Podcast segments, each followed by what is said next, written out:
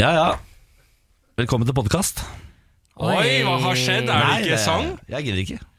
Oi, Hvorfor oi, ikke? oi, Ah, har Er det mange som har vært inne og eh, motstand? sagt eh, at de ikke vil ha sang nå? Lars har satt i gang eh, Satt i gang østrogenhjulet til folk der ute. Så Nei. det har vært Gi eh, nå. opptil flere eh, inne på Facebook-sida vår og sagt at de er imot sang. Åh, så deilig. Tusen hjertelig takk for den støtten. Ja, takk. Vi Det- takker. Ja. Og da er det jo en nydelig inngang til podkast. Uh, det har vært en eh, ny dag, og vi har hatt en eh, kjempefin uh, sending med mye artig. Malin Nesvold, altså youtuberen, instagrammeren, influenseren, har jo vært på besøk. Mm, Og eh, Lars naila lydrebbussen for første gang. Ja, veldig enkelt. Og dere gjorde det veldig bra. Du må jo snakke selv om du ikke får lov til å synge. ikke, det skal ikke snakkes i denne introen fra Niklas Baarli, det lover jeg. Ja, men Jeg har jo sunget hver gang. Alle, jeg skal ikke snakke. Du kan ikke være for demokratiet eh, internt her, og så når de går mot deg, så nekte å gjøre ting. Jeg erklærer landesorg.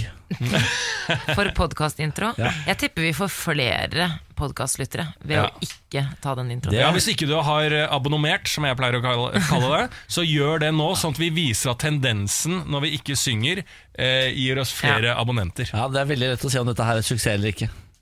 Da ønsker jeg velkommen til podkast. Her er dagens sending. Morgen på Radio 1. God morgen, Lars. God morgen. det, spiser du banan nå, eller? Bolle. Bolle ble det Det er ja. lille lørdag, så jeg unna meg en varm sjokoladebolle. Oi, du går for sjokolade, ja? Ja. For de har Dime der nede òg, har de ikke det? Jo, Det fikk jeg ikke tilbud om, Å, shit. men jeg er ikke glad i dime. Er du ikke glad i Dime? Nei. Hæ? McFlurry med dime? Nei? Altså, gud hjelpe meg, Lars. McVerry med Nonstop. Ja, det, den er egentlig best. Hva er, det Ja. du, hva er det du hater ved Dauna? Den eh, deilige blandingen av salt og søtt, kanskje? Eller Ja, det ikke så, jeg må, ja, ting må ikke være salt og søtt for min del altså, når det gjelder sjokolade. Å, sier du det? Ja, og så er den ganske hard, sånn daim. Det er en jobb å tygge. Ja, det er sant, det, og det Ja. fester seg veldig i tennene. Mm. Men da har du på en måte en liten overraskelse utover dagen. Men du, Hva har du gjort siden sist, da, Lars? Eh, jeg har eh, vært en liten tur på jeg, sånn sykepleier eh, spørretime for sykepleiere. Ah, Ja, Det var jeg på i går. Og så ellers har jeg ikke gjort stort. Spist, prøvd å se på TV og holdt dagen i gang. ja. Prøvd å se på TV? Mm. Hvorfor Du fikk det ikke til? Jeg fant ikke så mye å se på. Å, nei, sånn, ja. Har du ikke, er du tom for serier? Nei, men jeg ville ikke starte på en ny serie. Det ble litt seint for det i går. Ja. Så der har jeg en del eh, har et arsenal av serier som venter. Ja. ja. Det er nok av folk der ute som anbefaler serier, si! Jeg, apropos serier, jeg fortsatte min binging på den uh, Unibomber, Manhunt. Må jeg være ferdig med det, eller? Nei, Du har, eh, begynt på, har begynt på veldig mye forskjellig. du. jeg jeg. vet det. jeg vet Det Det var litt dumt. Uh, det er derfor jeg ikke har blitt ferdig, Niklas, for jeg ser så mye. Og det er jo da en eh, sann historie om eh, tidenes største FBI-jakt, er det vel etter en Unibomber, altså en amerikansk terrorist som het Ted Kaczynski, som eh, fortsatt lever. Eh, han eh, sendte mange brevbomber da til flere universiteter og flyplasser i USA mot, ja, mellom 70- og 90-tallet. Og eh, det som er, er at du blir jo ganske godt kjent med Ted Kaczynski utover denne serien her. Han var en sånn superintelligent, isolert fyr som eh, ja, sendte brevpakker, eller sånne bomber til eh, organisasjoner, eller folk da, drepte folk som jobbet for organisasjoner som han mislikte sterkt. Så han var sånn idealist, men tenk at jo mer, det er sånn typisk serie, at jo mer du blir kjent med han, jo mer sympati får du. Nei, får du sympati med han? Hæ? hadde, ikke, hadde ikke engang litt sympati med Ted Kinsinski etter å ha sett ferdig den du? serien. Nei. Jeg skal ikke røpe alt, men han opplever jo noen ting. Da. Man tar jo på en måte sånn dypdykk i hans barndom og alt det der. Du, jeg, jeg får så vondt. Altså, det er jo helt forferdelig det han har gjort. Det går jo ikke an å ikke tenke på det, men folk Jeg skjønner ikke det. Jeg syns jo, altså, jeg synes jo eksperiment, eksperimentene, du har kommet så langt, er forferdelige Ja, ja. og sånn, men eh, det, altså, du, det skal litt mer til eh, å få, for å få sympati med en fyr som gjør såpass mye dritt. Ja, men jeg tenker sånn, vi, sånn Når man ser på filmer og serier, sånn, får man ikke litt sånn Du vet når du får sånn Du heier litt på skurken også? Han som bomber uskyldige sivile. Nei, men Ja, men det er samme som bare nevne hva han har gjort, jeg. Ja, ja, men det er ikke det at Det er jo helt forferdelig. Jeg skjønner hva du mener, Samantha. Ja. Man går an å få en sympatifølelse. Nå er du bare tidlig på morgenen og vrang, Niklas. Nei, jeg har sett hele serien uten å få Ja, ja, men du eneste kan få, snev du av sympati for kan, eh, Om ikke du får sympati, så får du forståelse for hvorfor han gjorde det, på en annen måte Ja, enn du gjorde nettopp. før. En Det er det Samantha det. å si. Ja, En annen eh, fact som ikke er fun eh, rundt Ted Kaczynski, er jo at han inspirerte Breivik med dette manifestet. For Ted Kaczynski skrev jo også et manifest Mm. og fikk det publisert i en avis. Eh, og det lovte da å slutte å bombe. Eh, og dette manifestet har, kjenner vi igjen fra Anders Behring Breivik, f.eks. Mm, nå kan jeg aldri si noe igjen, for nå har du Hvorfor tatt opp det. Kan du aldri si noe igjen? Nei, om sympatien. Jo, herregud, du kan ha, det, du kan ha sympati med Ted Kaczynski, selv om Ja. Anders Behring Breivik har gitt ut manifest. Må ikke blande kortene. Ja. Nei, hva har du gjort siden sist Niklas? Du, jeg har ikke gjort så mye. Jeg har spilt dataspill, uh, i hovedsak. Jobbet altså så utrolig mye og bra lenge i går, etter at jeg og Lars spiste pizzabuffé og drakk øl etter sending. Som vi gjør eh, hver dag nå for tiden. Eh, vi er på vei til bussen, og idet vi ser bussen, så snur vi. Og Så går vi inn på Egon eh, på Jernbanetorget.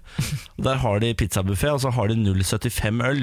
Og Da tar vi oss gjerne to sånne øl og eh, pizzabuffé, eh, og så går vi hjem og sover. Da sover man ganske godt, tenker jeg. Det er sånn som er stein i går. Ja, altså. du, ja, ja. det ble fem timer. Man blir liksom en zombie etter to sånne 0,75 før klokka 11 på morgenen. Ja. Ja. Og det jeg skjønner, det, det, det trenger ikke du som hører på å si fra om. Vi skjønner at det er et varselsignal. De 075. Det har vi Såpass eh, selvinnsikt har vi. ja.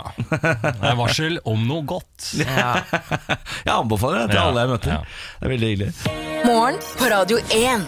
Og 26 år gamle Liverpool-fotballspilleren eh, Virgil van Dijk fra, Er du god på navn. Ja, ikke, ikke sagt verst. Vucci Vucci hadde jeg Ja. Nei, jeg garantert uttaler det feil, men det er jo litt vanskelig. da Det er jo van Dijk, men jeg tror det er sånn det er. Virgil, i hvert fall. Han er ja. verdens dyreste for, eh, forsvarsspiller. Oi. Ja. Ja, Gikk for 75 millioner eh, pund eh, fra Southampton, en annen fotballklubb, til da eh, Liverpool. Å ja, har, har Liverpool eh, så mye penger, altså? Ja, og fotballtreneren til Liverpool, Klopp, han var jo tidlig ute i sesongen og kritiserte Manchester United eh, og Mourinho for eh, nettopp pengebruk, og sa at sånn, jeg vil aldri bruke så mye penger på noen spillere. Og så gjorde han det samme sjøl. Han trodde han, han trodde han hadde dårlig råd, gikk Ja. ut hardt, og så bare så fant de penger. Og da er du svar skyldig, da. Jørgen Klopp. Ja, og du Niklas, du, vet ikke, du tror det er dette vi skal snakke om, for du tror dette er en nyhet. Ja. Dette er gammel nyhet. Ja.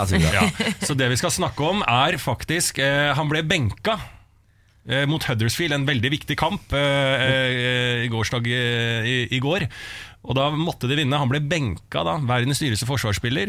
Og da eh, er det mulig, tenkte jeg da, for jeg syntes litt synd på han, for jeg føler det presset de spillerne får, for de får jo veldig mye press når de får en prislapp. Eh, Vi husker det med Pogba, en stjerne på Manchester United også, Husker midtbanespiller. godt. Husker godt. Eh, men så må jeg liksom eh, ta meg selv i det, for det er vel ikke mulig å synes synd på noen som drar inn flere mill. i uka? Eller er det faktisk det? Nei, jeg skjønner litt hva du mener, for det er det med presset, da. Og det er jo, altså i Premier League det er ganske, det er ganske heftig press da hvis du lever i den verden. Men eh, når du har så mye penger Jeg klarer ikke. Nei, jeg klarer ikke heller. Nei. Ja, Det men er det, liksom det sånn- psykiske presset er vel like vondt for noen som er rike som uh, noen som er fattige? Ja, men Betales det ikke for å liksom takle det? da? Når du, altså, tenk deg at du har en litt dårlig uke, at du har vært mye medieoppslag fordi at du er dårlig i fotball. eh, og så sjekker du kontoen din på fredag, og så er det nye tre millioner inne på den kontoen. Ja. Da må du jo tenke sånn Dette går fram til jeg er 30, eller så slutter jeg neste år, og så er jeg fortsatt homefree resten av livet. Jeg skjønner hva du mener. Men da føler du deg kanskje ikke verdig, da. Det, det, den er ganske lei. Eh, Jeg tenkte meg litt om nå. Sånn der, ok, jeg får så mye penger, men jeg eh, er udugelig. Ikke at han er det, altså, men at han tenker det. Sånn, oi, dette selv, altså Selvverd. Ja, er du gæren? Og det er jo veldig lidenskapelig publikum, og eh, det er jo sikkert hatmails og brev som bare det, men jeg greier Jeg får umiddelbart sympati, Ja, jeg- og så trekker jeg meg fordi at jeg vet hvor mye penger de tjener. Morten Gans Pedersen uh, fortalte meg en gang at uh, det å spille fotball i England Det er altså sånn på hatnivå fra publikum, også hjemmepublikum, men det er på et helt annet nivå. Altså det, du kan ikke forestille deg hvordan det er å stå på den matta og gjøre det dårlig.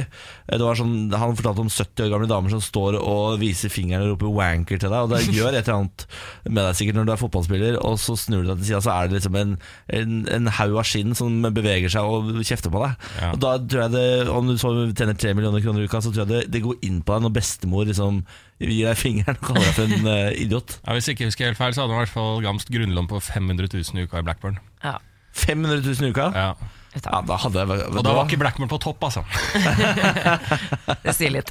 Fredrik Skavlan får kritikk for å ha stilt sexistiske spørsmål til svømmeren Sara Sjøstrøm. Dette var da under fredagens eh, sending, altså sist eh, sending. Og det, er, det har ikke kommet noen reaksjoner i Norge, men i Sverige er det flere kvinnelige profiler som har reagert.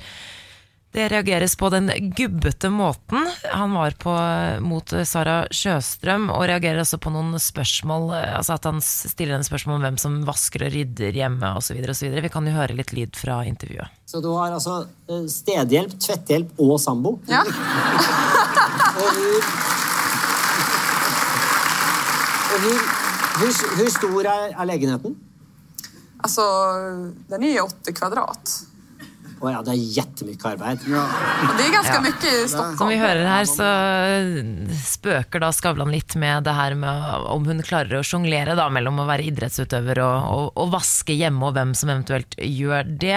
Det også folk har reagert på, er at Fredrik Skavlan spør om det er forskjell på å trene for å se, se sterk ut, eller øh, for å ta OL, VM og EM-gull i en verdenssport. Herregud.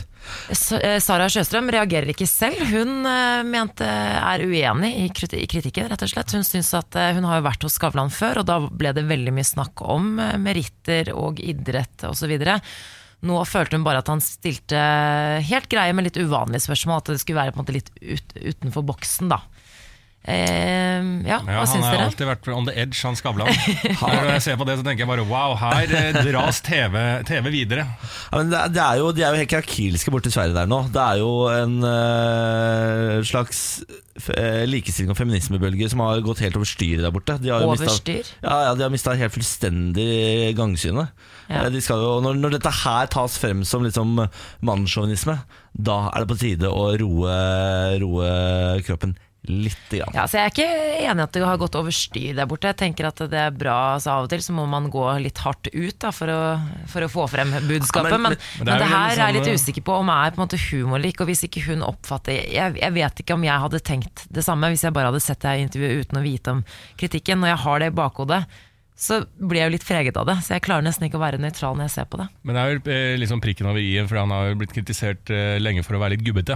At han er eh, litt sånn eh, Det er noe gærent med kvinnesynet til Skavlan, og stiller andre spørsmål til på en måte eh, Bilt da, enn kona til Bilt, f.eks. Altså, det er litt sånn De er, de er han, han kommer ikke helt sånn fritt hele tida. Da må man vente på det rette tidspunktet å ta ham på. Dette her er jo ikke noe Dette her er jo ikke noe.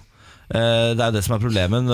Hvis man har bygd seg et bilde av at han er gubbete, så er han kanskje det, men da må du vente til et intervju hvor han fremstår også ordentlig gubbete. da Og så får du ta eh, Fredrik Skavlan. Kan ikke drive og bare eh, lage saker ut av ingenting. Og i hvert fall ikke når intervjuobjektet engang sjøl opplever seg eh, Ja, men han prøver å være litt humoristisk. Poenget er at hadde han vært humoristisk på den måten og stilt de samme spørsmålene til en mann, Ja, det, kan, det, det må jo Fredrik Skavlan svare for. Men dette, hvis dette hadde blitt sendt dette, For det første, det ble aldri, ingen reagert på det i Norge. Eh, hun reagerer ikke på det sjøl. Det er noen som er krenka på vegne av hun dama. Folk må roe seg til helvete ned. Nei, Til helvete ned. Jo. det er jo Sverige gøy, har da. Sverige har issues. Denne går til dere. Hele jævla Sverige. Morgen på Radio 1. Gatekultur og ekstremisme det går inn i hverandre, viser det seg. Dette er jo kanskje litt all news at Uh, folk som er litt kriminelle, eh, driver litt med droger, eh, har jo kasta seg på å bli fremmedkriger. Ja. Ikke sant? Fordi ja. Som Gia John og, og folk fra Fredrikstad, de tre nordmennene som drar ned. Altså Mange er fra kriminelle bakgrunner. Ja. Og det har blitt på en måte nye veien ut for eh, kriminelle til å legitimisere den livsstilen de har, bare på med ren samvittighet, så har man ofte hoppet over til eh, Sånn, ja. eh, eh, ekstremisme innenfor da, islam hovedsakelig da, i de siste årene. For å rettferdiggjøre, liksom. Okay. Ja, fordi at Før så har det, liksom, det har alltid vært en greie i ga, eh, gatekulturmiljøer at uh, på en måte du uh, eneste veien ut er uh, ofte for de som er, eh, er muslimer, da, er å bli religiøs. For da på en måte kommer deg ut, du renvasker deg og kommer, blir tatt opp i et miljø. Men nå har jo denne muligheten for å eh, fortsette egentlig livsstilen, eh, bare med en litt renere samvittighet dukket opp. ikke sant? Eh, så det har jo da gjort til at eh, istedenfor å streite seg opp ved hjelp av religion, så har man kanskje blitt verre ved hjelp av religion. Dette er første gang jeg har hørt noen klare å forklare hvorfor folk blir eh, ekstremister. Det er bra jobba, Lars. ja. Nei, det, er ja, det, ikke nå føler jeg for bare- mye. det føler Jeg jeg har for, aldri hørt, det, aldri hørt det forklart så enkelt. Jeg har jo en kompis som eh, ble drept i Raqqa fordi han ble IS-kriger. Ja. Ja. Men det er jo også folk som eh, blir sånn som i England og sånn, så er det jo veldig mange som, eh, og i Frankrike, føler seg utenfor eh, systemet. Si. De opplever både mobbing, rasisme og alt mulig. Det jo, alt henger jo sammen. Føler man isolert, så får man en familie gjennom dette her, da. Og det er jo også faktisk inn i Bergen altså Det er et eksempel fra Bergen der det har vært et gjengoppgjør eh, mellom liksom underverdenen, underverden, som det kalles så fint. Mell, eh, og, og eh, krangelen var religion. Det var hva slags syn de hadde på ISIS. Ja. Eh, så var det en stor eh, slåsskamp, og veldig veldig voldelig. fordi at den, eh, Ikke bare det at gatekulturen på en måte Der kommer det også fremmedkrigere fra, men inn i gatekulturen så har også eh, eh, diskusjon rundt eh, og standpunkter i forhold til ISIS eh, kommet. Altså det kan faktisk slåss internt pga. Eh, synspunkter på ISIS. Ja. Ja. Det er veldig interessant, eh, faktisk. I går så eh, kom jo da PST med sin sikkerhetsvurdering. Og de eh, fant jo ut at russisk spionasje har størst skadepotensial for Norge i 2018. Og blant metodene som PST forventer at Russland vil bruke for å få tilgang til ja, eh, utsatte mål, da, eh, det er rekruttering av kilder og agenter. Under den kalde krigen så rekrutterte jo KGB, KGB nordmenn for å verve dem til spionasje osv. Nå ser det da ut til at de samme metodene brukes igjen for å verve muldvarper og sånn i, såkalte insidere da, i norsk Arne politikk. Treholt. Og, ja, ikke sant? Jeg har vært på? Ja. Arne, jeg har vært på nachspiel med Arne Treholt. Har du det? Jeg har vært på nachspiel med Arne Treholt. Det er rått. Er det sant? det ble eh, slåsskamp på nachspielet. Arne Treholt var ikke involvert. Nei. Ja. Men han sto og så på og kosa seg. Men du, tenk den derre altså Når det tilspisser seg litt Jeg er klar for en telefon fra et russisk nummer. Ja, for du er- såpass, ja. Nja, jeg, skal ikke, si- jeg, skal si- jeg sier ikke ja, men bare for å få tilbudet. At det er ålreit. Det er som å, eh, ikke sant, Selv om du ikke er keen på en jobb, så er det liksom sånn hvis kompisen blir tilbudt, Ja. så er det, keen, det er gøy å bare i hvert fall få tilbudet. At du føler deg iver, iverdsatt. Da. Sånn du kan si sånn Jeg sa nei, jeg, men eh, herregud, du kos deg du, altså. Ja. Nå blir du i hvert fall spurt, nå som du har sagt det ut høyt. Tenker Ja. jeg. Nå Da, ringer Putin. Da, da. Men jeg blir så fascinert av det der altså, Man vet, Det er jo ikke noe nytt. Det har jo, spioner fins jo både her og der, men jeg bare syns det er så fascinerende at eh, de fins her. Det virker som en så gammeldags måte å krige mot land på. eh, Å ha spioner. Jeg kan liksom ikke se for meg at det er noe effektivt lenger. Frode Berg han ble jo tatt av norske Ja. Jeg Ja, kunne han- aldri vært spion. Men tror du. Frode Berg var spion? Altså Den der blide nordlendingen som uh, har næra og koselig kontakt med Det er alltid noe lumsk når du drar fra Oslo, møter en fyr, får en konvolutt med 30 000 kroner, var det vel, og så tar flyet til Moskva for å levere den konvolutten videre. Eh, det er ikke sånn at han har tippa på hester eller noe sånt. Nei, ellers så har han fått det til skikkelig, da. For det det er jo som du sier, det er jo ingen som tror at han er eh, spion. I hvert fall eh, her hjemme i Norge. Nei, tenk kanskje meg de har fått det til skikkelig. Han ser jo veldig spionaktig ut. Han er anonym. Altså, jeg er to meter høy. Ser Jeg, han jeg kunne ikke vært på en restaurant. Hvem er han er fyren? Han på to meter som alltid sitter på det bordet når vi, som flytter seg etter restauranten. Jeg, jeg er for lite anonym, rett og slett. Og, og han har kjempekvise på nesa. Hvem er den fyren der? Frode Berg ser ut som han heter Kjell og driver gård, egentlig. Han er jo ikke altså, han, eh, han, han ser jo koselig ut, ser ut som en fyr du har lyst til å klemme på. Men det er jo Liksom. Skriv om perfekte spion! Er det en perfekte Ja, fordi at du hadde sittet på restaurant, så hadde, sagt, så, så hadde jeg sagt til deg Er ikke han litt spion? Du bare nei, han er ikke spion. Det ser ut som en koselig fyr som heter Skal Kjell. se. Eh, Og så hadde du avskrevet han som spion.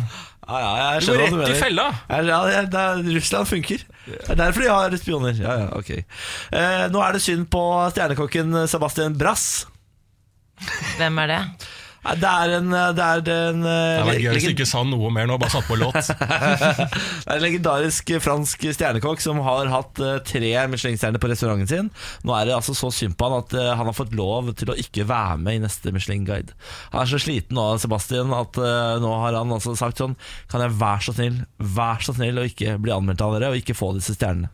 Det er snakk om et sånt kollektivt press blant eh, stjernekokker. Jeg har lest mye om det, at de helst ikke vil ha Michelin-stjerner lenger. For det, det følger med så mye press og og herregud, stress. fullbooka restauranter hver dag. Åh, tjener masse penger, masse fame. Åh, Stakkars Sebastian Bress. Å, nå har jeg vunnet VM fire ganger. Vær- så snill, ikke meld meg på VM! Ikke meld meg på Er det VM! mulig å få slippe? Kan det være så snill? trenger man kan, hvis er man god nok, så trenger man ikke Michelin-stjerne for å kunne drive en restaurant. Jeg skjønner at de ikke har lyst Men han har lyst til å gjøre det?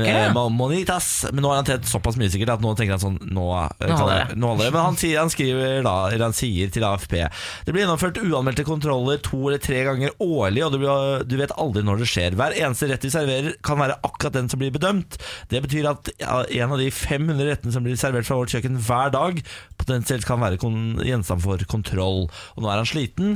Har, blitt, uh, har fått lov til å ikke være med i Michelin-restauranten, så da ønsker vi han god bedring. Kose seg. Slapp av litt, uh, Sebastian. Uh, start et hamburgerkjøkken eller kanskje en kebabkiosk. Der er det ikke like mye press. Ikke sant? Du Ja, kan, velge, du kan velge å starte en kebabkiosk. Ja. Det er Ja, ikke ja, noe for Eller bli spion sånn som Frode Berg. Det anbefaler jeg også. Det er sikkert koselig borti Moskva her. Morgen på Radio 1. Nå er det klart for, for onsdagspraten, hvor vi tar opp og forsøker å ordne opp i ulike problemer fra uka som har gått. Og med oss har vi den fantastiske youtuberen og instagrammeren Malin Nesvold, også kjent som Makeup-Malin, men det driter vi nå, for nå er hun Malin Nesvold! Tusen takk, tusen takk. Herregud, for en intro. Ja, det var ikke verst. Ja, det var flott. Jeg har jobba mye med den. Ja, det hørte jeg. Satt opp i hele natt. Ja, jeg ser det. Jeg ser det. Du har øvd. Du glemte, du glemte influenser, eh, Lars. Det er Influencer. årets nyord. Ja, men Vi skal snakke litt om dette her, Ja, vi det? influenser. For Jeg ville ikke eh, tråkke i salaten som deg, Niklas Baarli, som tidligere i sendingen sa Det influenser. For det er ikke alle som vil bli kalt influenser, Er skjønner du. er det ikke det? Nei, Malin, hva Nei, tenker du om det, det? er, det har et sånn negativt uh, fortegn, føler jeg, det med influenser. Det har Forklar først hva det er. Hva er Hva er influenser? Du, det veit jeg nesten ikke, men det er på en måte sånn Du er én person, enten om du jobber med en blogg eller en vlogg, altså sånn YouTube, altså i sosiale medier og sånt. Eh, og så prøver du rett og slett å overtale folk til at det du tror på er det riktige, altså. Er det det der? Ja, det tror jeg. Er det ikke rett? Kan man ikke uh, ta det helt Man ned til prøver å påvirke folk. Ja, Har du mye følgere, Ja. så påvirker du automatisk. Ja. Folk mener eh, kommersielle bransjen, Ja. og da bruker de deg til å fremme produkter og sånn. Ergo også på meninger. Du er en influenser. Jeg jeg, jeg, jeg, det er gøy dette her, fordi jeg, på fredag så fikk jeg mitt første tilbud om å være influenser. Jeg ble omtalt som influenser av en danske. Oi. Hei, vil du være vår influenser? Å, så Oh. gøy. Ja, ja, ja, ja. Du har ikke noe bekymring med å kalle deg influenser? Nei, Jeg, åpenbart jeg, ikke. jeg er Norges største influenser. Uten å være det.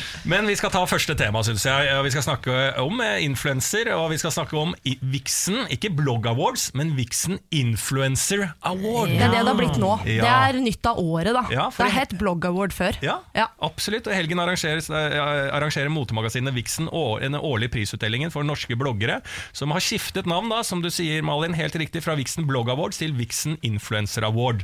Malin, du er nominert til fire priser. Ja da.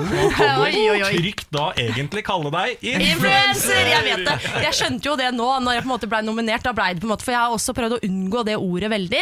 Men nå har jeg bare eh, bitt i det Jeg holdt på å si sure eple, for det er ikke så surt, egentlig. Ikke for meg, i hvert fall. Uff a meg, jeg har blitt nominert Nei, til uff fire a meg, uff, det er surt. Ja. Så nå kaller jeg meg altså influenser, og det går helt greit. Ja, det går greit. Du tar ja, den, liksom. jeg tar den, jeg tar den. Men uh, Ulrikke Falk, uh, Ja. Mm. kjent fra Skam, eh, spilte en av rollene der. Du spilte Vilde, Lars. Vilde? Vilde, ja, alle har jo sett Skam. Nei, nei, jeg har sett det, men jeg husker ikke helt navnet. Ja, Vilde. Eh, Vilde eh, spiller under Skam, eh, og har jo fortsatt en eh, ganske sånn eh, egen suksess på Instagram, blant annet, da, med meninger og det ene og det andre. Og hun har nominert til denne prisen, men har trukket seg. Ja. Hun mener at det er eh, Hun vil eh, ha selv dårlig opplevelse med bloggere, og vil ikke fremme denne usunne eh, på en måte livsstilen og eh, holdningene bloggerne har. Du er nominert til fire priser, Malin. Hvor Ja. blir det av statementet ditt? Du, det, her kommer det. Det kommer på Radio 1 akkurat nå. Nei da, men eh, det, jeg har sittet litt på sidelinja og fulgt med på dette her. Og det må jeg si at jeg er veldig enig i den kritikken som eh, Ulrikke kommer med. Ja, det er det. Eh, og det er, litt sånn, det er litt vanskelig å være nominert, fordi det er utrolig stas da å få en sånn anerkjennelse. Og bare, oh, det er ikke ofte, altså sånn, jeg er ikke vant til å bli nominert til priser, på en måte. Det er ikke en vanlig ting. Så jeg syns det er utrolig stas. Og liksom egoen i meg bare tenker sånn bare hold kjeft, for du har bare så jævlig lyst på de prisene, liksom, for det er stas. Men så er det noe annet i meg også som tenker sånn faen. Ulrikke har så jævlig rett. Uh, dette er jo det jeg selv prøver å motvirke. Nå er det klart at Jeg føler jeg er veldig sånn aleine. Det er noen få som er med på laget, sånn som Ulrikke f.eks. Mm. Som på en måte prøver å kanskje være en motvekt til resten av liksom Influencer-Norge, som er 16 år gamle jenter som reklamerer for uh, pupper. Jeg så Morten Hegseth gikk ut og sa at uh, Ulrikke Falk hadde skivebom i dag. Han skrev det på NRK fordi han mente det hadde vært bedre henne å prøve å endre prisen fra innsiden. da Ja. Altså Ikke trekke seg men heller da gjøre en statement fra innsiden. Og Det er der vi har. Malin. Det er jo Ikke akkurat sant? Jeg sitter og rekker opp hånda, for dette tenkte jeg sånn på i går. For da ble jeg sånn Ok, Ulrikka trekker seg. Er det sånn Burde jeg gjøre Er det sånn at da må liksom alle trekke seg, eller hva er greia her, liksom? Uh, hvis man skal være en viktig og ekte influenser, da er det nesten som at du må trekke deg. Uh, men så tenker jeg sånn, faen heller, jeg tror jeg bare går. Og så får jeg heller gjøre da denne statementen, som dere sier. Hvis jeg eventuelt vinner, så skal jeg si det. Ja, for da skal du stå på scenen og si sånn Ja, eh, takk for denne prisen. Og så vil jeg si sånn eh, Det er dumt å fremme eh, dårlig kroppsideal. Takk Ja, for meg. Takk for meg. Da blir det stor applaus. Ja, da tror jeg det blir ståapplaus, altså. Ja ja, det tror jeg. Ja, Og så er det vel vanskelig også å skille sånn, i hvert fall sånn sett utenfra fra min side. da Så er det Ja. sånn, Jeg er komiker, og i komikermiljøet så er det på en måte både nisjekomikere og litt sånn mainstream-komikere som når alle. Og det er forskjellige komikertyper. mm. men hvis det er en komikerpris, så er jo måte, bør jo alle være eh, representert i en komipris. Så det er jo litt sånn i en influenserpris også, at alle sider bør jo være representert. For det er jo litt vanskelig, selv om det er Ulrikke Falk, eh, å ha på en måte en annen, en annen kroppsfasong og en annen holdning enn eh, andre. Å si at dette er riktig, og det andre er galt, det er jo litt vanskelig å si også. Ja. Så det er jo viktig at, eh, som du sier, da, at kanskje hun stiller opp, og at man heller eh, kommer inn for å få jevna ut eh, at Ja, det, det ikke bare er én vei. da Ja, det er det jeg tenker, i hvert fall jeg som influenser. Jeg synes jo det er viktig Nå er kanskje jeg litt nerd fordi at jeg er liksom utdanna, utdanna tekstforfatter og liker å tenke konsepter og alt mulig sånn fancy schmans greier. Men jeg liker jo tanken på at jeg kan være med å forme bransjen, altså influenserbransjen, til noe bedre da enn det det kanskje er nå. Men så syns jeg også vi skal huske på at liksom influenserbransjen er en helt sånn nyfødt bransje, egentlig. Og da må man også regne med at ting går litt skeis, at man er litt sånn barnesykdommer underveis. Og det her er liksom, fordi det, det, det er ikke bare influenserne som driter seg ut, på en måte. Det er også markedsførere og medietilsyn og hele pakka. Ja, Så det er vanskelig, det er en jungel. Det er kreftene rundt dere. Ja, det er en jungel. Men helt, helt på tampen, kort, Uh, hvordan er stemninga på disse prisene? Jeg var jo der i fjor for første gang i hele mitt liv og syntes det var veldig gøy. Eh, da viste det seg Jeg hadde kjempedritgøy liksom, den kvelden, og så så jeg på bloggerne et halvt år etterpå at ingen kosa seg. Så, ja, så jeg er litt sånn Jeg lurer på om det blir sånn i år òg. Kanskje enda verre. Er det- er det-. Ja, Er nå det er det fribar? her, liksom. Det blir spennende. Nå har jeg lyst til å til dra dit. altså. er, ja, er, er er det fribar? Sånn- Jeg Det håper det viktigste spørsmålet. Ja, det må det jo være. Nei, vet du hva, i fjor så var ikke det. Jeg Det tror var det ikke var én drikkebong. Ja, etter metoo vet du, da finner du ikke fribar i hele Skandinavia. Men uh, Malin, du er jo da nominert til Årets stjerneskudd, Årets sterke mening, uh, Folkets favoritt og Årets forbilde. Ja, det hjelp, sier vi Hjelp. gratulerer til. Gratulerer, Malin. Og du blir jo, Jo, med oss videre i onsdagspraten, for nå skal vi skifte tema ganske kraftig. Ja. Uh, vi skal etter hvert til kritisk vannmangel i Cape Town. Ja da, vi skal, altså, det blir et hopp, det, i temaet. Morgen på Radio 1. Nå er det dags for en ny runde med Onsdagspraten. Onsdagspraten. Onsdagspraten. Velkommen skal dere være. Dette er onsdagspraten i Morgen på Radio 1. Her med Niklas Baarli, meg, Lars Berrum og Samantha Skogran. Og i dag Malin Nesvold, YouTuber, Instagrammer og influenser! Vixen Influence-nominert. Ja da, ja da. ja da, ja da. Vi skal eh, i denne onsdagspraten selvfølgelig eh, prate om temaer som er aktuelle. eh, Og temaet vi skal ta opp nå er kritisk vannmangel i Cape Town. Årelang tørke har ført til at millionbyen Cape Town kan bli den første storbyen som går tom for vann. Både tiden og vannet renner ut. Som så fint. Ja, takk, takk. Jeg kunne fått en liten applaus, kanskje. Takk skal du ha. Eh, 12. april når byen Day Zero. Day Zero er dagen vannet i springen stenges helt av, og byen begynner med rasjonering. Har dere fått med dere dette her? For Ja, ja faktisk det. Ja. Hva tenker vi? Nei, dette her eh, er jo helt altså, jeg, Sånn som jeg leste det, så visste jo myndighetene allerede i 2013 at dette kom til å skje. Det er fem år sia. Ja, så De skyld- skylder på regjeringa. De må, de må ordne, må ordne rein, regjeringa! Ja, nei, nei, nei, men det er jo ikke bare det. For det, sånn som de sa, så er det jo Det er jo ikke bare regn som er problemet her. Det er jo også et kjempeoverforbruk, spesielt av liksom den rike delen av eh, Cape Town. Så Hvite også. Åh, wow, rike hvite folk. Rike hvite folk, fy fader, ass. Ja, det er jævlig. Ja, men vi trenger jo dusjen sin. Lars. Trenger jo tre-fire tre, fire dusjer om dagen nå, hvis du skal være rik og hvit. Men er ikke det rart, liksom? Det, jeg- det jeg syns er rart, er at det er, Cape Town har jo fire eh, da, fire millioner innbyggere, og det står at de sliter med at tre femtedeler av befolkningen gir blaffen. Eh, fordi det er mange som tror at det her er en, på en, en del av et politisk spill. Da. Ah. At, så det er på en måte Én ting er at det skal skje, men de tror ikke på det heller. Eh, det, det, det er kanskje enda mer skremmende. Ja, det er, veld, det er veldig skremmende. Jeg har jo eh, alltid eh, vært en blid østfolding som lukker øya for klimaforandringer og sånn. Eh, og det er jeg også her. Eller det vil si, jeg, jeg var det inntil jeg begynte å lese om denne saken, og da, nå tror jeg på klimaendringene. Det var dette som skulle til. Nå, Var det denne saken her? Nå er jeg redd for at jorda skal gå under. Nå, dette er første dommedagstegn. Stoler ikke på Carl I. Hagen lenger? Jeg har jo, han har jo vært min mentor i 28 år. Men eh, nå, Carl, nå har jeg bytta lag. Nå har nå har jeg meldt meg inn i Miljøpartiet De Grønne. nå Ja. Lan er min helt. Å ja, jøss, for en revolusjon! Ting skjer. Ja. Men jeg vil jo si at det, det er jo ganske Jeg føler det litt naturlige, som du sier, Samantha, at eh, det var vel uh, tre femtedeler av befolkningen som gir blaffen i uh, dette her. Og, og, for det er lagt noen retningslinjer. At du eh, tisser du, så skal du ikke trekke opp, f.eks. Eh, og det er eh, maks to minutter dusjer, tror jeg, hvis du skal dusje. Og disse retningslinjer at, fordi at Det tror jeg samme hadde skjedd eh, litt sånn, sånn overalt. Jeg kjenner det på meg selv at man tenker litt sånn Dette angår ikke meg. Det Ja, er jo som du sier, Niklas, litt sånn med miljø òg. Ja, ja. Det angår ikke meg. Eh, hadde vi hatt eh, fokus på det hvis det hadde skjedd her? Ja, altså jeg tror uh, Idet du får sånne eh, rasjoner på hvor mye vann du får lov til å bruke De får lov til å bruke 50 liter eh, i dag, og fram til day zero da blir det 25. Eh, og da kan du tenke på at eh, det å ta ett bad ta, er 80 liter vann. Ja. ja. Og, og dusje ett minutt var vel Var det 15 liter, eller? 15 liter. Ja, det Ikke er så heftig. Ja. Men så er, sånn, så er du flink, da. Ikke sant? Så er du flink Og så eh, ser du over til naboen.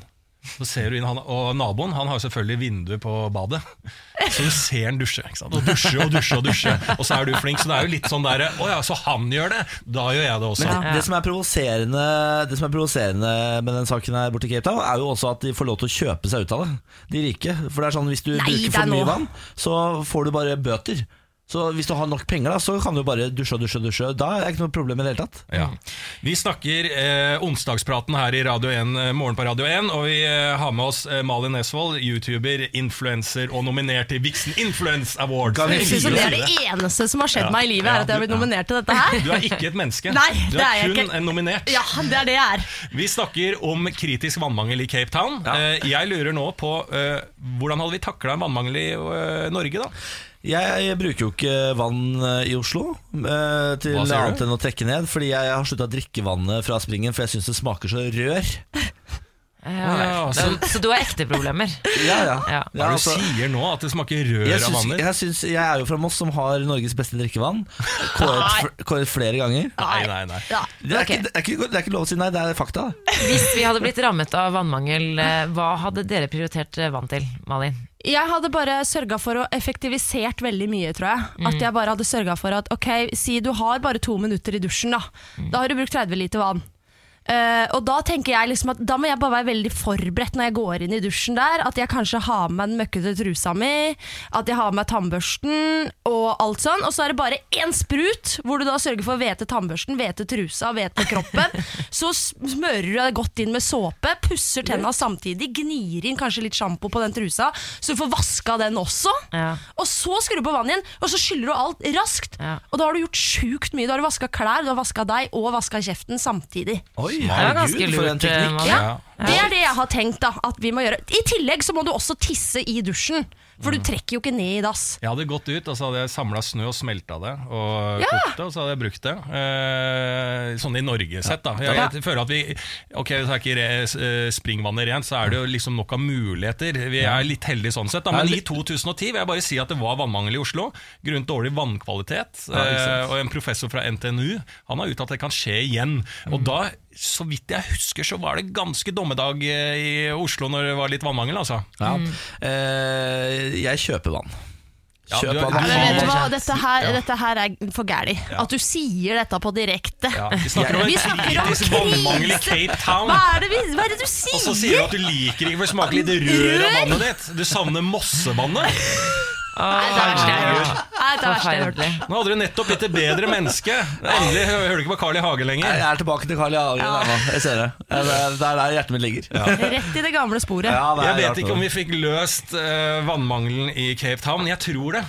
Eh, Men det har vært veldig hyggelig å ha deg, Malin Nesvold, på, med på onsdagspraten. Det var veldig hyggelig å være her. Ja, utrolig hyggelig å ha deg på besøk. Eh, Jeg vil bare oppsummere med ett tips Lars kom med. Og det er eh, hvis det er vannmangel, gå ut og fang snø. Eh, Og tiende, spesielt i juli, er det veldig effektivt. Ja. Lykke til resten av verden. Malin, takk for besøket. Morgen på Radio 1. Nå er det dags for en ny runde med Lars Bærums morgenkviss. Reglene er simple som simpelheten selv. Oi. Det er tre spørsmål. Eh, Samata Skogran, Niklas Baarli, dere er et quizlag og skal svare samla. Alle svarene får vi helt til slutt. Ja. Har Ja. dere et quizlagnavn? Det har vi. I dag heter vi My Drinking Team Has a Trivia Problem. My drinking team has a trivia problem. Er det ditt navn? Kom du på det? Nei, jeg har Niklas? googla det i dag. Nei, nei, det var for langt.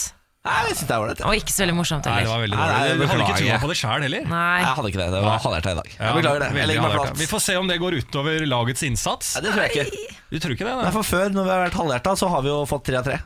Ja, det var én gang, men når dere er halvhjerta i quizlagnavnet, så pleier det ofte å gå dårlig. Du må få Samantha til å le ved quizlagnavnet ditt, ellers så er det dårlig. Hun lo, og så trakk hun seg på latteren. Det her, Niklas Baarli, eh, det er ikke latter.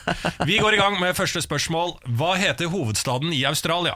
Jeg gjentar, hva heter hovedstaden i Australia? The land down and down. Det er jo et lurespørsmål, for veldig mange tror det er Sydney, Sydney. men det er Canberra. Canberra. Ja. Canberra. Ja. Ja. Endelig svar avgitt. ja, Ja. er det ikke det, da? På hugget. Har dere vært der? Nei, Nei, jeg- vent! Hva? Hva med Melbourne? Nei, det er Det Canberra. er Canberra. Eh, nei, vi har ikke vært der. Jeg har en kompis som bor der, og han har bodd der nå i flere år. Og vi sier sånn hele tiden når han kommer hjem til Norge, sier vi sånn Fy fader, nå må vi ta guttetur ned og sånn. Så sier han sånn Ja, bare husk på at det er sånn 18 timer å fly, og vi sier sånn Det blir ikke guttetur dit. Nei, det er så langt. Det er for Masse, langt. altså, jeg, altså, det er så mange farlige krypdyr. Er det en Altså, farlig bare ja, krypdyr ligger og sover, så vet du at alt i, rundt deg som du ikke ser, Ja, kan drepe deg. der. Det er mye dyr der. Ikke bra. Hold dere unna Australia. Spørsmål nummer to. Hva er Stefani Johanne Angelina Germanotta bedre kjent som? Vet du hva? Det vet jeg faktisk. Jeg er vet ikke det det. Lady vi- Gaga? jo. Ja. Jeg visste det også. Herregud, Hun altså er altså, er. eh, italiensk-amerikaner, kan Ja. du si. Ja. Du, Det er litt gøy at du stiller det spørsmålet i dag etter at du sa i går at du ikke forstår syngingen til Lady Gaga. Altså Hennes fantastiske, praktfulle røst, Ja. som er bare som balsam for henne hun Hun er ganske stor i homofile miljøer. ikke? Absolutt. Hun er jo the gay mother. Hun har tatt over for Madonna. Share. Som var, og share. ja, men Det er altså gamlehomsene som digga Cher. Ja, Ungehomsene digger Lady Gaga. Ja, ja. Gjør det det? They're monsters. We're monsters. Yes, mother. Yes. Er det, sånn, eh, er det sånn du snakker privat? ja. Det er det med possien. The gay posse. Men vi svarer begge to eh, helhjerta Lady Gaga. Yes. Ok, Spørsmål tre. Hvor på kroppen befinner den aller tynneste huden seg? Hvor på kroppen befinner den aller tynneste huden seg? Dette har jeg da Samantha. Skogran begynner å ta Jeg seg rundt på kroppen. Jeg har en tatovering på håndleddet. Det har jeg hørt er veldig tynt. Men er det tynnere enn albu? Men jeg tror ikke det er tynneste. Al oh, albuen er vond, og Den den er- er sånn slafsehud. Ja, men den er kanskje ikke så tynn. Jeg tar Du, på den. Albuen Her oppe og da. tar og Ja, føler. Her er ja, øyelokket. ja. Er Her, du god, du, Samantha kjenn Skogran. her, da. Nå er du meget god. Samantha Skogran mener det er øyelokka. Ja, øyelokket er jo- Men Men er det tynnere? Ja, det er tynnere enn håndleddet. Jeg vil ikke si for det, Men her, da? Altså Ja, det, ja, det er der ja. tar det er Niklas på håndleddet. håndleddet. Er det mulig? Samantha Skogran, eh, bare for å, du som sitter og hører på, sier at håndleddet er ikke det veldig tynt. Etter hvert så begynner Niklas Baarli å ta seg eh, der håndleddet er, og sier sånn 'hva med her, da? Hva med her?' Ja, Og så så må man han og- informere Niklas om at det er det som heter ja, men håndleddet. Jeg trodde håndleddet er vel også over. Men jeg tenker Du drev og tok deg på fingrene i sted da jeg Jeg sa håndleddet. For er, håndleddet er jo også over. Der er eh, tykkere hud enn underhåndleddet. Ok, Ja. Jeg har da tatovering der. Det gjorde ganske vondt, men det var ikke jeg, Vet du jeg tror faktisk øyelokket er Du verre. har, du har jo en sånn eh, Er det en delfin? Du, det er to stjerner. Det var søsteren min som Ayanapa? tvang meg til å ta tatovering. Oi, to stjerner. Er det dere begge, liksom? Hun har, eh, hun har fem stjerner og masse andre tatoveringer, eh, men hun fikk meg til å ta den ene her. Men hva betyr to stjerner, da? Det er hun og meg, da. Ja, det er det, det var det Ja, ja, ja. Men Hvor hvem- hvorfor har hun fem? Hvem har hun inkludert i den familien der? Nei, det er fem år mellom oss, så hun tok fem så hun tok en helt annen angle. hun. Ja, for hun bare vil ha masse tatovering. Hun har kroppen dekket. Samantha vil ikke svare på hvor hun tok tatoveringen. Bislett. Bislett? Ja, det var Nor 18 år. Norge, sier Napa. Men du, vi svarer Jeg, jeg tror eh, øyelokket er tynnere. Jeg tror også øyelokket. Ok, da skal vi få alle Vær så svarene. snill, tre av tre. Vær så Nei, snill, men tre nå var vi så cocky, nå går det ikke bra. Nei, jeg vet det, vi vi ble for cocky på siste. Kanskje det er under her, altså. Okay, jeg sier- Under, uh, under håndleddet. Nei. Underskje- Underskjellet på håndleddet. Nei, men kjenn på øyelokket ditt, Nå Niklas. kjenner jeg på det. Ja, ja, det er tynt, ja, men er det tynnere enn her, da? Ok, endelig svar er øyelokk eller håndledd. Jeg vil si Vi får nok poeng uansett, tror jeg. Ja, vi får, Én Øyelokket. øyelokket. Spørsmål nummer én. Hva heter hovedstaden i Australia? Dere svarte Canberra. Ja. Det er riktig! Spørsmål nummer to. Hva er Stefani Johanne Angelina Germanotta, bedre Gay kjent som mother Lady Gaga. Lady Gaga er riktig! Nummer tre. Hvor Å, på nei. kroppen befinner den aller tynneste huden seg? Da sa, vi, da sa vi håndleddet, eller sa vi Nei, du- jeg er litt usikker på hva jeg svarte her. Lars. Hva er det du svarte? Nei, dere må ha endelig svar avgitt. Vi sa jo øyelokket. Ja, du sa øyelokket, jeg sa under håndleddet. Nei, vet du Dere hva, må vi må stå Dere Vi må har velge jo for tatt det er ikke noe øyelokket. halvpoeng som kommer til å gis ut her. Jeg, jeg, Vet du hva, jeg vet hva han holder på med nå. Vi har svart riktig, man prøver å få oss til Ja. å snu svaret Vi svarer feil. øyelokket. Veldig bra, Samantha! Svaret er øyelokket. Jeg er smart! Er det tre av tre for Tre andre av gang? tre. Dere er utrolig flinke. Kjempebra jobba. Jeg er stolt av dere. Eh, Niklas, nå håper jeg du kan bare gå hjem, og så får du orden på å vite hva det heter. Eh, Hva heter det, da? håndleddet. Ja, men hva heter det over, da? Hva over Ja, her, hva heter er? Det er et ledd, da. Håndleddet heter der. Ja, men Hvordan skiller du på over og under? Vi fikk tre riktig. Kom igjen. Niklas. Vær glad. Gå videre. Ha det bra. Jeg elsker min egen kunnskap. Jeg syns jeg er så god. Men det er veldig bra. Du holdt på å svare feil. Ja, ja, nei, ja, ja, ja, ja Dere er et lag. Morgen på Radio 1. Og jeg var på eh, Norges Sykepleierforbund sin uh, sykepleierspørretime i går, ja. Ja vel. Ja, ja. Skal dere ha en liten rapport hvordan det står til med sykepleierne i Norge? Først, hva er det for noe? Nei, det, Norges Sykepleierforbund er jo en sånn eh, veldig stor interesseorganisasjon for sykepleiere. Ja. Eh, og så er det jo De har en spørretime da, for de kjemper for krava som sykepleier. Og litt, og litt debatt og litt sånn forskjellige ting. Ja, så er det det er liksom fagforeninga som møtes og snakker om ting. Ja, med Ja. politikere og det ene og det andre. Ja, og vel. eh, Sigrid Bonde Tussevik var der inne og var programleder sammen med Erik Bergersen. Ja, Eh, og så det var, litt sånn, det var et Ja. opplegg da med filma skal legges ut på Facebook og skal skape engasjement. Herregud. Ja, og eh, der er det jo en liten oppsummering av hva vi sykepleiere trenger. Som jeg, jeg for en ny lytter, så ja. er, ja, jeg er jo sykepleier sjøl, det er jo eh, greit å nevne. Ja. Vi trenger mer lønn. Ja. Ja, og eh, hele samfunnet bør egentlig engasjere seg. Fordi at eh, dette er jo ikke noe liksom sånn Å, nå skal sykepleierne kreve mer lønn og sånn. Ja, ikke sant? Dette er anger. Samfunnet bør gå i tog for at sykepleiere skal få eh, mer lønn. Ja, For man husker for det at liksom én av to ikke sant? Når to, syke, eh, to personer utdanner seg som sykepleier, så er det bare én av de som eh, jobber videre med det. Og det er veldig stort Tenk det, frafall fra, uh, sykepleier, fra sykepleier, fordi det er et veldig tøft yrke uh, og lavtlønna. Så, eh, og vi har en enorm sykepleiermangel Mm. i Norge som bare blir verre, som ser veldig sånn uh, dommedagsmessig ut hvis vi ikke gjør noe. Og en av de tiltakene må være fulle stillinger. Ikke sant? Man blir bare tilbudt deltidsstillinger, men også mer lønn. Nå er det på tide at sykepleieren får sånn ordentlig løft, Ja. mener jo jeg. Jeg er jo eh, noenlunde subjektiv, eh, men jeg mener at eh, hele samfunnet må bidra her.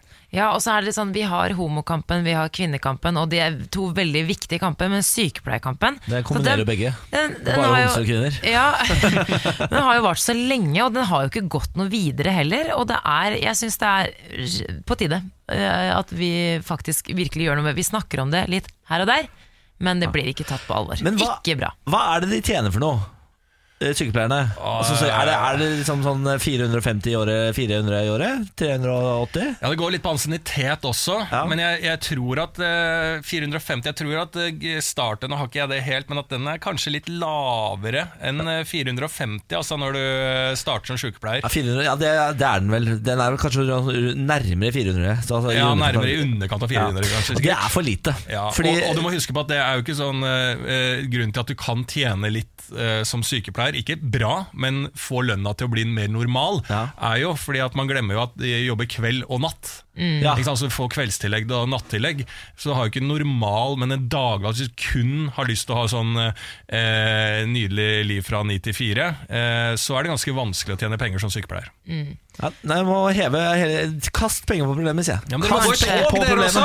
Skal jeg gå i tog? Ja, du skal, gå, du skal, du skal Ja, arrangere, men jeg er Vi, vi her i studio kan ikke bare snakke om det, da må vi engasjere oss. Ja. Vi, vi får stå i Jeg støtter jo på homokampen din. Jeg, Har du gått i tog, du, da? Og kvinnekampen Har har du gått i gay pride? Ja, selvfølgelig. Har du Hvert det? år. Jeg har aldri gått i gay pride. Har du ikke det? På tide. Nei, men Da kan du begynne å arrangere Det er sykepleiertog, og så er jeg på gay parade. Det er greit. Trendy å være sur, bloggeren Hedda uh, Skau. Jeg er litt usikker på hvordan jeg uttaler navnet hennes, men uh, Skau. Uh, Fashion Cherry skriver i en kommentar at hun føler seg litt dritt etter å ha deltatt på den norske moteuken Oslo Runway. Og hun sier det at det er rett og slett at folk i motebransjen, så kreative og flinke og sprudlende som de er, er i all hovedsak ganske sure folk. Eh, så når de da alle møtes, så sier hun det at hun har dratt på denne Oslo Runway og møtt på mennesker som hun har snakket med og kjent ganske lenge, men de overser henne litt, eller de er litt sånn Det er sånn trendy å være sur. Ja, det er jo fordi de ikke spiser. Folk som ikke spiser, blir jo forbanna, ikke sant? Og det, det- hele bransjen her går jo og sulter seg sjøl. Det er derfor de er forbanna Men det er litt klisjé da å si at alle folk som er eh, involvert i motebransjen, sulter seg i hjel. Ja, men herregud, Det tror jeg ikke stemmer. Ja, det er, nei, det er, du, blir jo, du blir kanskje mett av bomull og vann, men du Ja. blir jo ikke Det er ikke bare, er ikke bare modellene her. Nå er det jo moteskaper og den type ting det er snakk om her. Det er det Skau mener. Ja, det er akkurat det som er. Og det, Ja. det syns jeg er litt sånn gøy at hun sier, fordi jeg føler at det er eh, Jeg har ikke vært på mange motearrangement, men jeg, jeg skjønner hva hun mener når jeg har vært på, sånne el, jeg har vært på noen elfester og sånn. Så det er kjempehyggelig. Uh, ja, det, du er ja, det. Du er dritings. El, ja, men Ellis hagefest er kanskje noe av det hyggeligste jeg har vært på. Faen, det er jo så koselig. Ja, men så snakke, jeg, jeg skal ikke banne i kirken her, men altså, la oss eh, snakke om ordentlig mote, da. Uh, som ikke er Els hagefest. Uh, eh, Ja, men jeg er enig. Elfestene er moro, men poenget er bare at jeg, jeg opplever ofte at folk er litt sånn litt too cool for school. Også der hvor jeg vokste opp, på Frogner, der er det jeg har aldri turt å gå i klesbutikkene der, for de som jobber der. Det har blitt mye bedre, nå bor jeg ikke der lenger, har men folk, var så, folk er så sure. Bor du i Holmenkollen isteden, Å herregud. Ja, men nå må jeg få litt Dere skjønner hva jeg mener. Jeg må få litt jeg støtte jeg støtter jo deg. Ja. Jeg støtter jo deg eh, hele veien Jeg syns det er ganske kult at hun Hedda sier det, og jeg vet at hun ikke snakker om alle. Det fins masse kule folk der, snille folk, men ikke vær så sur. Det er sånn i miljøet. Det skal være litt, og nå er det jo litt sånn trenden å være litt blass i fjeset, ha litt eh, poser under eh, øya og være litt too cool for school, egentlig. Ja. Og så er det jo veldig klikkbasert, disse miljøene. Ja. ikke sant?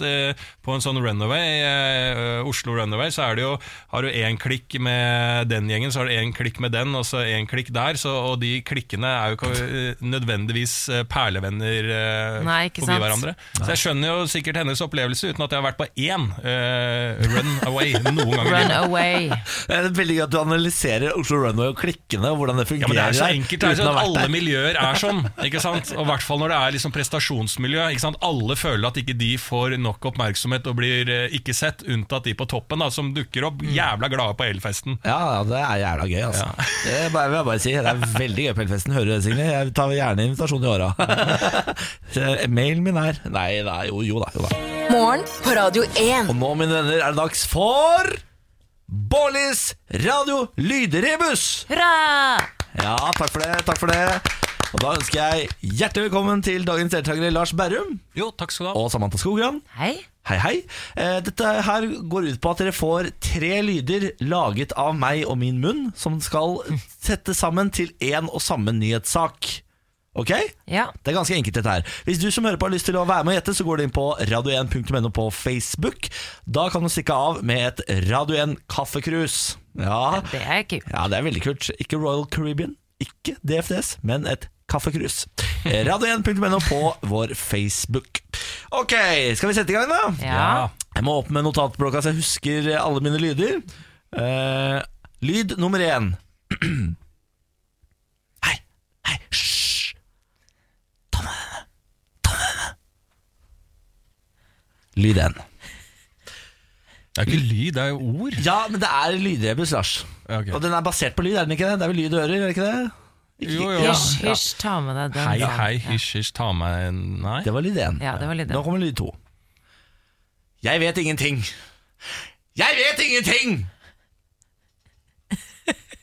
End scene. Ja. Og så lyd tre.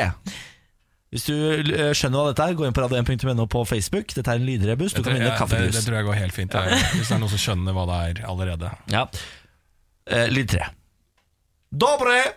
Dobre otre! Dobre! End scene. dette er, Hvilket språk var det? dette er, Dobre, altså polsk. ja, er det polsk? Dette er rett opp i Jeg tror, eh, jeg, jeg tror kanskje jeg vet hva det er for noe. Ja. Igjen.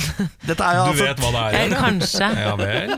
dette er jo da altså tre lyder som skal settes sammen til én nyhetssak. Ja, Gjenta det kjapt, da. Ja, eh, hei, hei, damene, damene.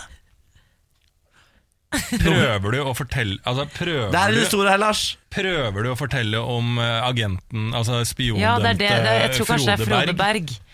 Er det deres svar? Nå kommer er, er det jo jævla raskt ute her på resonneringen og svar, da? Spionsiktede Frode Berg som eh, tar imot eller gir en pakke. Han var jo grenseinspektør der oppe. Han tar imot en eh, konvolutt med 30 000 kroner. Hei, Ja. hei, ta det greiene der. Ja.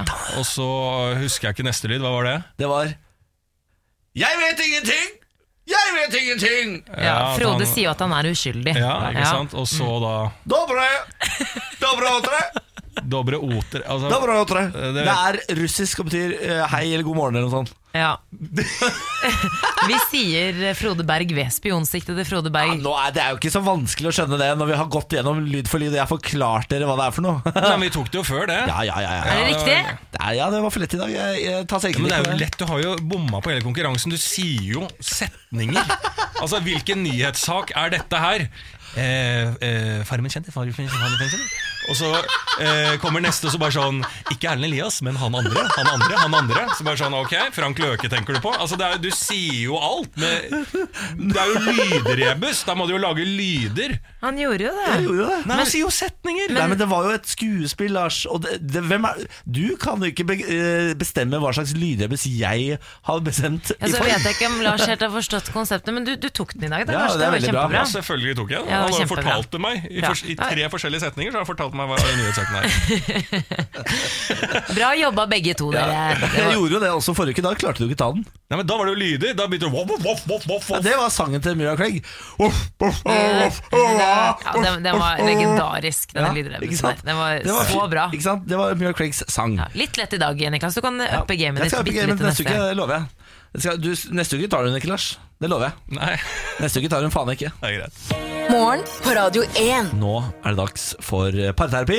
Eh, Lars Berrum har eh, laget kontrakt med min samboer om å utlevere mitt privatliv. Ja. Det var jeg glad for. Det er jo sånn at jeg har jo lyst til at du skal bli et bedre menneske. Eh, både her, sammen med oss, og, og privat. Jeg er jo en liten engel. Ja, det det. Eh, og da har jeg tatt kontakt med kjæresten din, Benjamin, Ja. og får eh, tilsendt av han eh, eh, frustrasjon, eh, konstruktiv kritikk og problemer via et lydklipp. I dag er ikke noe unntak. Kan vi ikke bare høre på dagens problem? God morgen, Lars. Økonomi vil jeg jo si er ganske essensielt i veldig mange parforhold. Og nå skal jeg og Niklas ta det steget at vi skal få oss en felles konto med et felles kort som vi skal bruke til sånne ting som ja, er felles, da. Så er spørsmålet mitt skal vi da på en måte sette inn eh, et likt beløp hver måned, eller skal Niklas, som faktisk tjener mer enn meg, sette inn bitte litt mer? At vi kanskje setter inn en prosent hver? Hva er egentlig best? Ja, Altså Nummer én, dere er jo uh, hele tida så kommer det jo nye fakta på bordet her som gjør dere til altså, det mest parrete parforholdet noensinne. Dere gjør alt som står i en bok eh, av hvordan et par skal fungere, med felleskort. Eh, dere har eh, måltider, dere skal ha et eh, lysekron i taket, dere legger dere sammen Altså Dere gjør alt. Dere har sikkert sånne kort også, sånn eh, eh, kosekort. Så nå, nå er jeg et kosekort igjen, da får jeg kos av deg. Nei, det har vi ikke. Sånn driver dere sikkert på. Nei, det har vi altså, sånn ikke. da, når eh, dere to har vært på eh, Egon og spist pizza og drukket øl, så er det sånn Nei, det kan jeg ikke si til Benjamin. Nei, nå, Ja, det kan jeg ikke si nå. Ja, ikke, jeg, kan ikke, jeg må ikke bli avslørt hvor mye PlayStation jeg egentlig spiller. Jeg kjøpte meg. PlayStation-spill i skjul jeg, for eh, Veldig, Benjamin, veldig, veldig søtt. Veldig parete parepar som jeg blir eh, Det kan jeg jo si eh, til også da Benjamin, din kjæreste som hører på, som jeg egentlig har en allianse med. Jeg blir litt kvalm av begge dere to. Eh, jo, det gjør jeg. Det gjør jeg. Men over til problemet. Men elsker du meg, Lars? Hva sa du? Men elsker du meg? Jeg elsker deg som Ja, er person. Jeg blir kvalm av dere. Og ikke bli, jeg skal ikke bli misforstått med at dette er eh, mot eh, at dere er homofile. Nei. Eh, eh, jeg, over til problemet. Ja. problemet her er jo at dere får et felles kort, en felles konto, som dere skal bruke til felles kjøp av felles ting. Ja. Eh, du tjener mere. Eh, jeg vil jo si umiddelbart at er, det er litt opp til deg. Vil du være stor i dette forholdet, så innser du dette at du tjener mer akkurat eh, nå.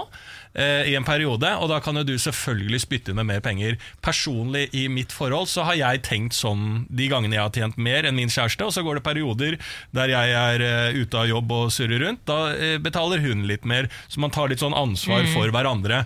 Det er vanskelig å kontrollere, så hvis dere er veldig sånn opptatt av hvem har brukt mest, så er det umulig å kontrollere. Så da må man ha litt sånn Ingen kan være gjerrige eller opptatt av veldig rettferdighet økonomisk hvis dere skal gå for den løsningen. Det kan jeg advare mot. Ja, og så er det sånn hva, hva man spiser. Noen spiser kanskje mer enn andre, noen bruker kanskje mer toalettpapir enn andre. Sånne type ting Men Ja. det kan være lurt hvis man har lyst til å gjøre sånn etter evne. Da.